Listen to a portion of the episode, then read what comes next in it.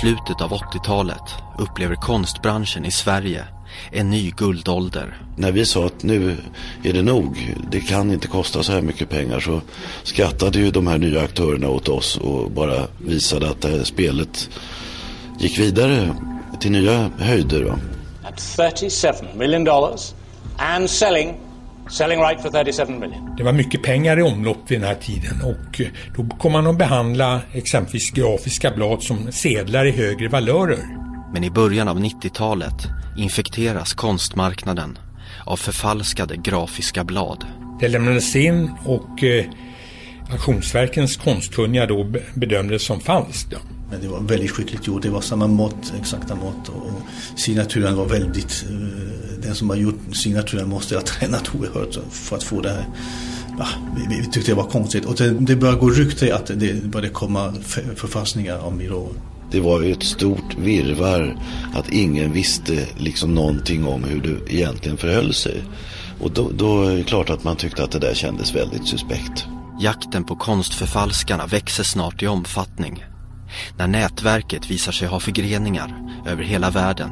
Det är helt otroligt. Det var nästan obegripligt nu när man har lite distans till det. Han la ju då alla kort på bordet. Då var det ju verkligen sjukt alltså. Aftonbladet presenterar historien om ett brott. Om den stora Miråsvinden. Med mig, Kristoffer Hansson.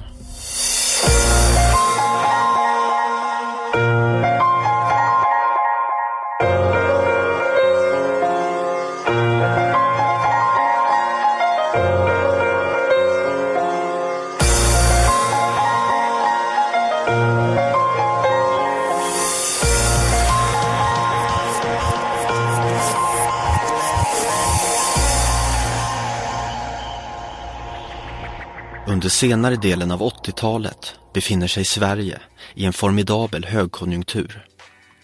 Nybyggandet går för högvarv, fastighetspriserna skjuter i höjden och människor gör snabba pengar på börsen. Nya regler för kreditmarknaden gör att bankerna nu kan låna ut obegränsat med pengar. En ekonomi på steroider. Mycket pengar i omlopp gör att människor unnar sig dyrare kapital och lyxvaror. Inte sällan för lånade pengar. Många branscher upplever nu en guldålder och konstbranschen var inget undantag. Vi hör Claes Måser, känd för tv-tittarna från Antikrundan, tillika gallerist. Det som kostade 3 000 1983 det kostade då 25-30 000 eller mer i slutet av 80-talet. Så att det, det var en, en oerhörd prisutveckling de där åren. Och den konst de hade köpt, den kunde man då deponera i bank för den hade stigit så pass mycket. Och man kunde presentera värderingsintyg och så vidare som visade på den här prisspiralen uppåt. Så att bankerna blev ju väldigt släpphänta och tittade bara på de här intygen och sen lånade man ut nya pengar då för konstinvesteringar. Frikostiga låneregler och en hög tilltro till konstinvesteringar gjorde att man nu kunde låna pengar för att köpa konst. Men bankerna tog nu också gärna emot konst som säkerhet vid banklån. Man behandlade konst som värdepapper. Ja, det, det gjorde man. Det, det är nog enda gången man från banksystemet har accepterat konst som någon form av säkerhet i Sverige. Utomlands var ju det ganska vanligt. Det finns en tradition att utländska banker till och med bygger upp konstfonder och så vidare som en alternativ placering. Men i Sverige var ju det här ett fullständigt nytt instrument som dök upp. Lockelsen i att tjäna snabba pengar på konst och priser som bara steg gjorde att många nu slogs som de eftertraktade dyrgriparna. Och det var framförallt priser på svensk konst som nu nådde nya rekordhöjder. Vi hör Mark Mori som då arbetade på Bukowskis auktioner i Stockholm konstbranschen, det var, den kokade verkligen. Det var ju en otrolig spekulationstid. Man, man kunde sälja en, köpa en, en, en Lillefors på våren och sälja den ett halvt år senare med, med, med en, en, halv miljon eh, i vinst. Då. Så att det var, det var, det var galet. Ja, man kan väl säga att då, eh, då hade vi lämnat en period då skandinavisk konst var väldigt underskattad. Och sen hade vi hamnat i en eh, formidabel högkonjunktur Då allt bara gick rakt upp i sky high, upp i himlen. Eh, och den skandinaviska konsten sålde kanske bättre utomlands än i Sverige. At 31 million dollars, 32 million, 33 million, at 33 million dollars. Still against you at 33 million now. At 33 million, 34 million dollars this side, 35 million. Jag tror vi, vi kunde sälja eh, närmare 50 Liljefors och eh, ett, ett 15-tal sonmålningar och lika många Carl Larsson på, på en och samma auktion. Eh, helt otroligt. At 37 million dollars and selling, selling right for 37 million. Yours at 37 million dollars. Slutet av 80-talet var fullständigt galet. Det fanns en tillväxt som var alltså 100% per år minst. Och det fanns inga bromspedaler utan alla trodde bara att allting gick vidare och det var en enorm spekulation. Och framför allt var det ju det att in på marknaden kom människor som hade andra knep och metoder. Eh, man belånade sig för att köpa konst. Och det här var ju någonting som marknaden aldrig hade varit med om tidigare. Och det här drev ju upp priserna till vansinniga nivåer. Så att det var otroligt spekulativt kan man säga. Och det var inte längre enbart erkända konstsamlare som bjöd över varandra i de fullsatta auktionssalarna. In på marknaden kom vanligt folk som tjänat snabba pengar och som fått tipset att investera i konst. Plötsligt så eh, det dök upp folk som inte hade en aning om konsten men som ville vara med i karusellen. Eh, bilhandlare som, som visste ingenting utan det var bara eh, Lillefors och så. Det ringde en kund från, från Umeå som visste absolut ingenting om konst och han ville köpa en son och, som en annan skulle förlustlåna. Och frågade mig om det var äkta. Jag kan inte säga det per telefon. så det var helt galet. En hysteri som ledde in finanssektorns eh, spelare in i konstvärlden. Och de eh, kom ju utan kunskaper men de hade de finansiella resurserna. Och de hade ju bara hört att det var konst man skulle spekulera i. Och då blev det ju en fullständig ett Klondike av konstmarknaden. Och vi som ändå hade känselspröten ute och som såg vart det barkade, vi satt ju som stenstoder egentligen. Och när vi sa att nu är det nog, det kan inte kosta så här mycket pengar så skrattade ju de här nya aktörerna åt oss och bara visade att det här spelet gick vidare till nya höjder. Va? Våren 90 så var det ju nästan all time high. Priserna gick upp väldigt snabbt på, på en väldigt kort period. Alltså på två år som man, man Se en målning som kostade en Lilifors som kostade 100 000 eh, efter två år kostade det 800 000 till och med uppåt miljonen på, på ett par år. Så att det var en väldigt snabb hås. Det var nästan obegripligt nu när man har lite distans till det. Och, och på en väldigt kort, kort tid skulle man eh, ta hem vinsten. Frågan, frågan var eh, vem som skulle ha svarta Petter i handen eh, efteråt. Men köparnas omättliga hunger efter dyr konst gjorde att också efterfrågan på övrig konst ökade. Konst som tidigare varit mindre efterfrågad, men som nu blev eftertraktad. Framförallt så var det grafiska blad som nu fick sig ett uppsving. Då ska vi komma ihåg att grafik har alltid varit svårt. Det har varit en liten klick människor som har köpt grafiska blad. För att folk i gemen har ju alltid sagt att ett grafiskt blad, ja det är suspekt, det finns ju en viss upplaga och det, det är inte original och så vidare. Så att grafiken har ju som företeelse haft väldigt svårt att hävda sig på en liten marknad som den svenska. Men när de här världsnamnen så att säga dyker upp på auktioner, Dali, Miró, Chagall och så vidare så blev det ju plötsligt över en natt accepterat att köpa grafisk konst. Den då samtida grafiken sköt ju iväg då rejält. Men grafiska blad omgärdades inte sällan av problem. Jämfört med annan konst var det relativt enkelt att framställa förfalskningar som i alla fall lurade ett otränat öga. För Olof Barton, som då arbetade vid polisens bedrägerirotel i Stockholm, var det här inget nytt. Vid den här tiden var det väldigt vanligt. Och eh, särskilt när det gällde grafisk konst. Och det var, berodde ju på att eh, Det var mycket pengar i omlopp vid den här tiden och eh, dålig bankränta och så. Och eh, då kom man att behandla exempelvis grafiska blad som typ Miro, Picasso och andra eh, kända grafiker som sedlar i högre valörer. Vi hör Claes Måser igen. Ja, alltså vad som blev nytt i modern tid, det var ju att det kom ut så kallade övre kataloger. Alltså beskrivande förteckningar i bokform eh, över en konstnärs hela produktion. Och alla de här konstnärerna fick övre kataloger där alla grafiska blad till exempel finns redovisade som konstnärerna har gjort. Under 1990 översvämmas konstmarknaden av grafiska blad av de allra största konstnärerna. Kanske lite för många, eftersom varje blad trots allt var tryckt i en begränsad upplaga. Under vintern har ovanligt många blad av den spanske konstnären Miró lämnats in till försäljning. När Mark Mori och hans kollegor på auktionshusen jämför de inlämnade Miró-bladen mot de senaste referensböckerna över Mirós verk upptäcker man små skillnader verken emellan. Man såg i och med de där böckerna att det var lite skillnader men, men i och med den typen av grafik som är med karborendum så det, det, det, kan bli vissa nyanser. Men det var väldigt skickligt gjort. Det var samma mått, exakta mått och signaturen var väldigt, eh, den som har gjort signaturen måste ha tränat oerhört för att få det här. Ja, vi, vi tyckte det var konstigt och det, det började gå rykte att det började komma förfalskningar av Miro. Under vintern 1990 får bedrägeriroten i Stockholm in ett tiotal anmälningar om misstänkta Miråblad. Och det blir den förre polismannen Olof Barton som får ärendet på sitt bord.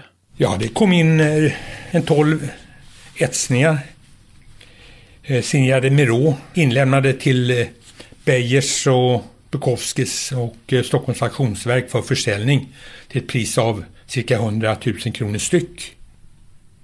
Där man ju då på respektive auktionsfirma bedömt verken vara förfalskade. Och man har ju då gått på olika referensmaterial. Men det fanns ytterligare en detalj som gjorde Miråbladen intressanta. De hade alla det gemensamt att de ingick i den så kallade HC-upplagan. När konstnären är färdig med sitt verk är det dags för tryckning. Tryckningen sker i en varierande men begränsad upplaga. På varje blad skrivs ett unikt nummer samt hur stor den totala Tired of ads barging into your favorite news podcasts? Good news. Ad-free listening is available on Amazon Music. For all the music plus top podcasts included with your Prime membership. Stay up to date on everything newsworthy by downloading the Amazon Music app for free or go to amazon.com slash news ad free. That's amazon.com slash news ad free to catch up on the latest episodes without the ads. upplagan är. Till exempel ett av hundra, två av hundra och så vidare. Detta görs för att bibehålla den begränsade upplagan som också återspeglas i priset. Därefter signeras varje blad av konstnären och tryckplåtarna förstörs. Men under tryckningen tillkommer alltid ett par extra blad som ligger utanför den numrerade serien. Det kan vara provtryck eller blad ämnade för konstnärens personliga bruk, att ge bort till släkt och vänner. Dessa blad märks då med EA eller HC. Men blad av den här typen är alltid mindre till antalet än de som ingår i den huvudsakliga serien.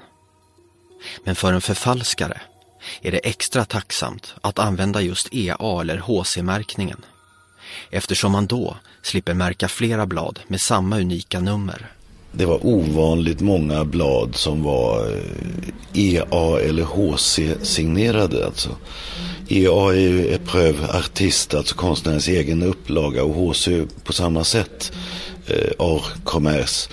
Eh, och, och, det var ovanligt frekvent med sådana blad. Och så många EA eller HC-blad i omlopp att det var vanligare med den typen av blad.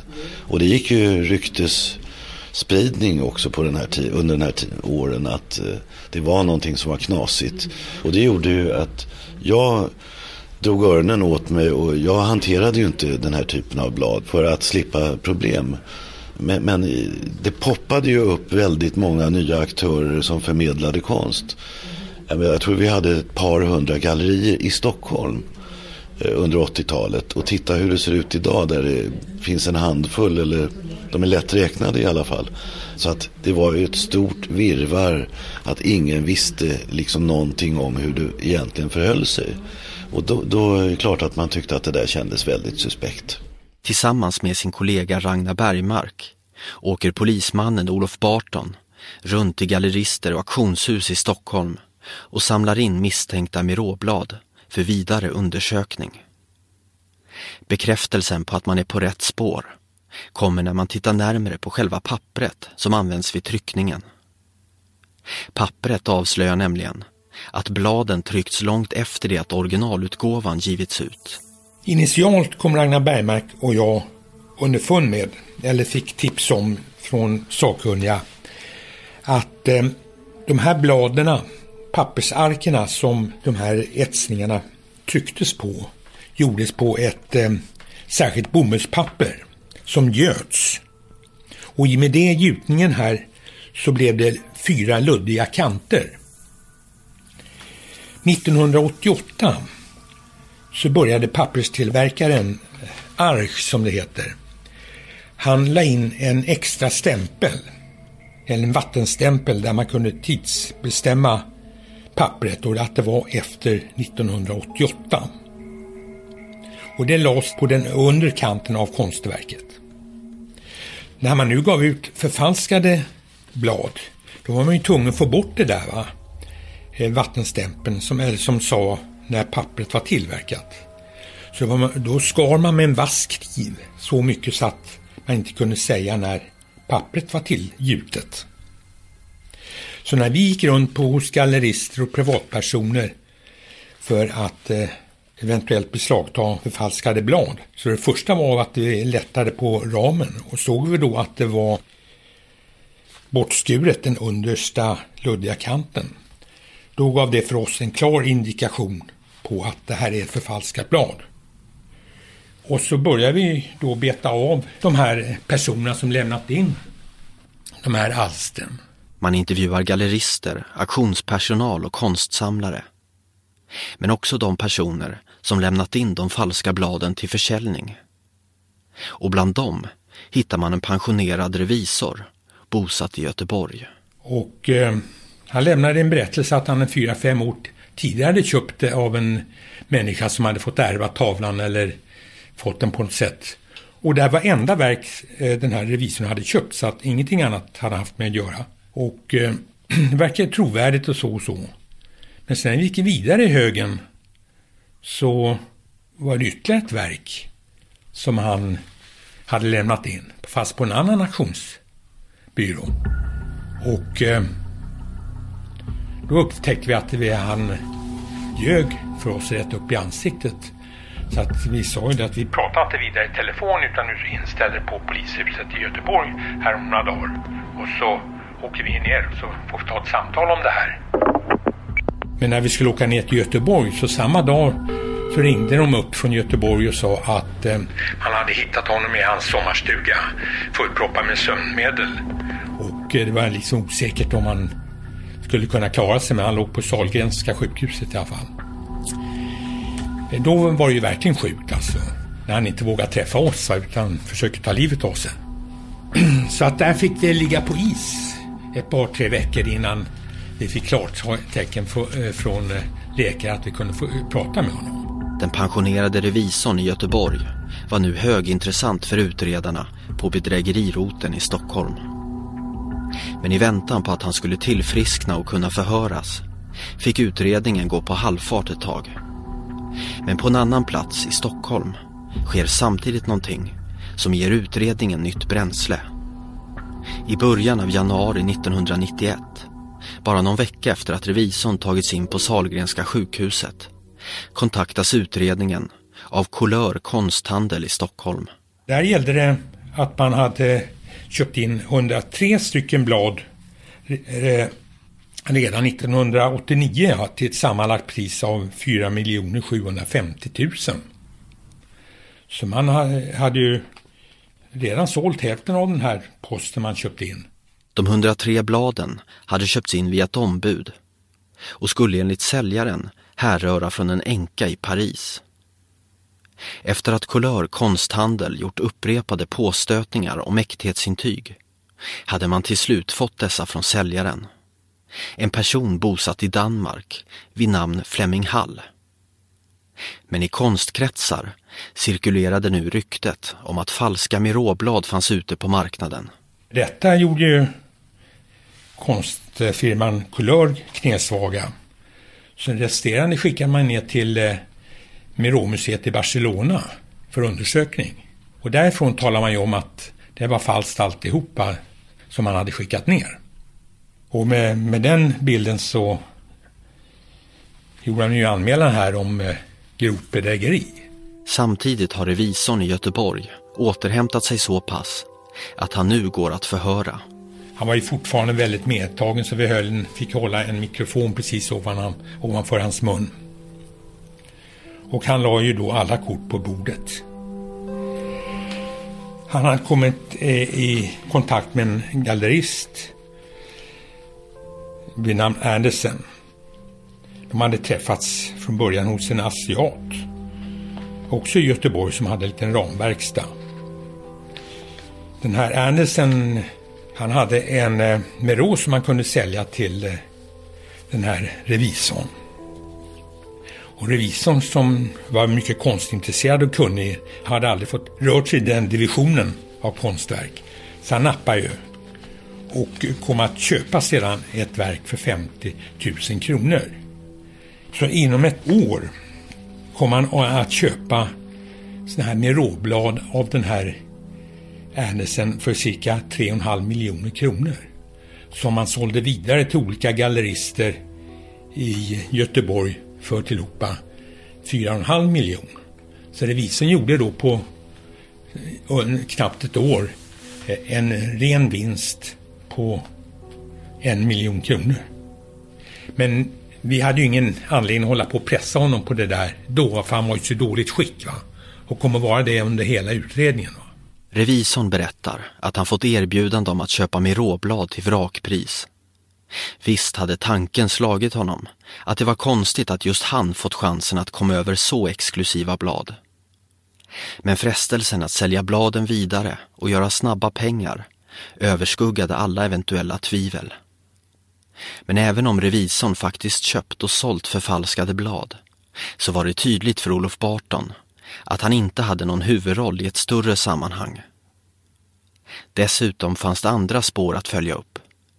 Bland annat i polisens egna arkiv nere i Göteborg. Nu börjar det liksom bli ett stort ärende på det här. Så vi, eh, vi kollar upp allting som har hänt. Och bland annat så eh, kom hon för med att i Göteborg ett par år tidigare så hade det prånglats ut ett eh, 20-tal som hade tagits i beslag, bedömts vara förfalskade men sen hade utredningen lagts ner. Va?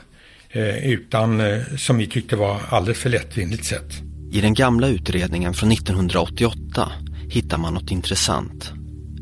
Den person som då var misstänkt för grovt bedrägeri var nämligen samme Andersen som revisorn köpt sina blad ifrån. Och nu inträffar något märkligt. Men i samband med, med det här, eh, just det här när vi började samla in, kolla upp vad som hände i Göteborg och så här, så började den här kollegan från Göteborgspolisen som haft den tidigare eh, utredningen om Meroblad ringa upp till oss och fråga om våra strategier här i Stockholm och vad vi har för misstänkta och med mera, med mera. Och vi blev så väldigt irriterade och misstänksamma.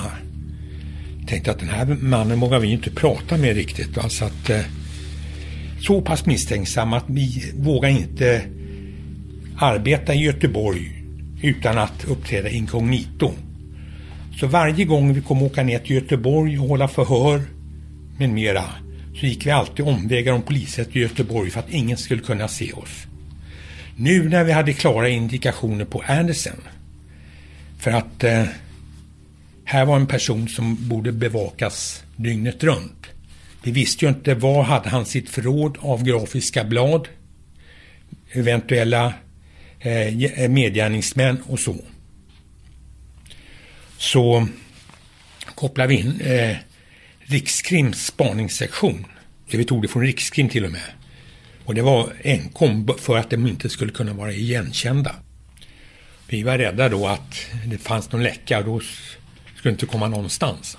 I samma veva får man nu också hjälp från ett oväntat håll att provocera fram bevis.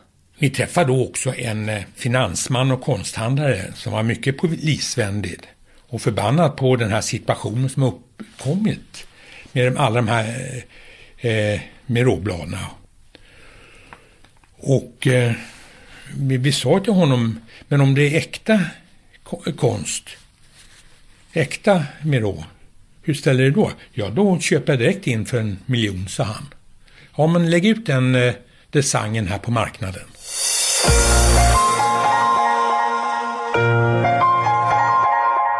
Slut på del 1. Fortsättning följer i del 2.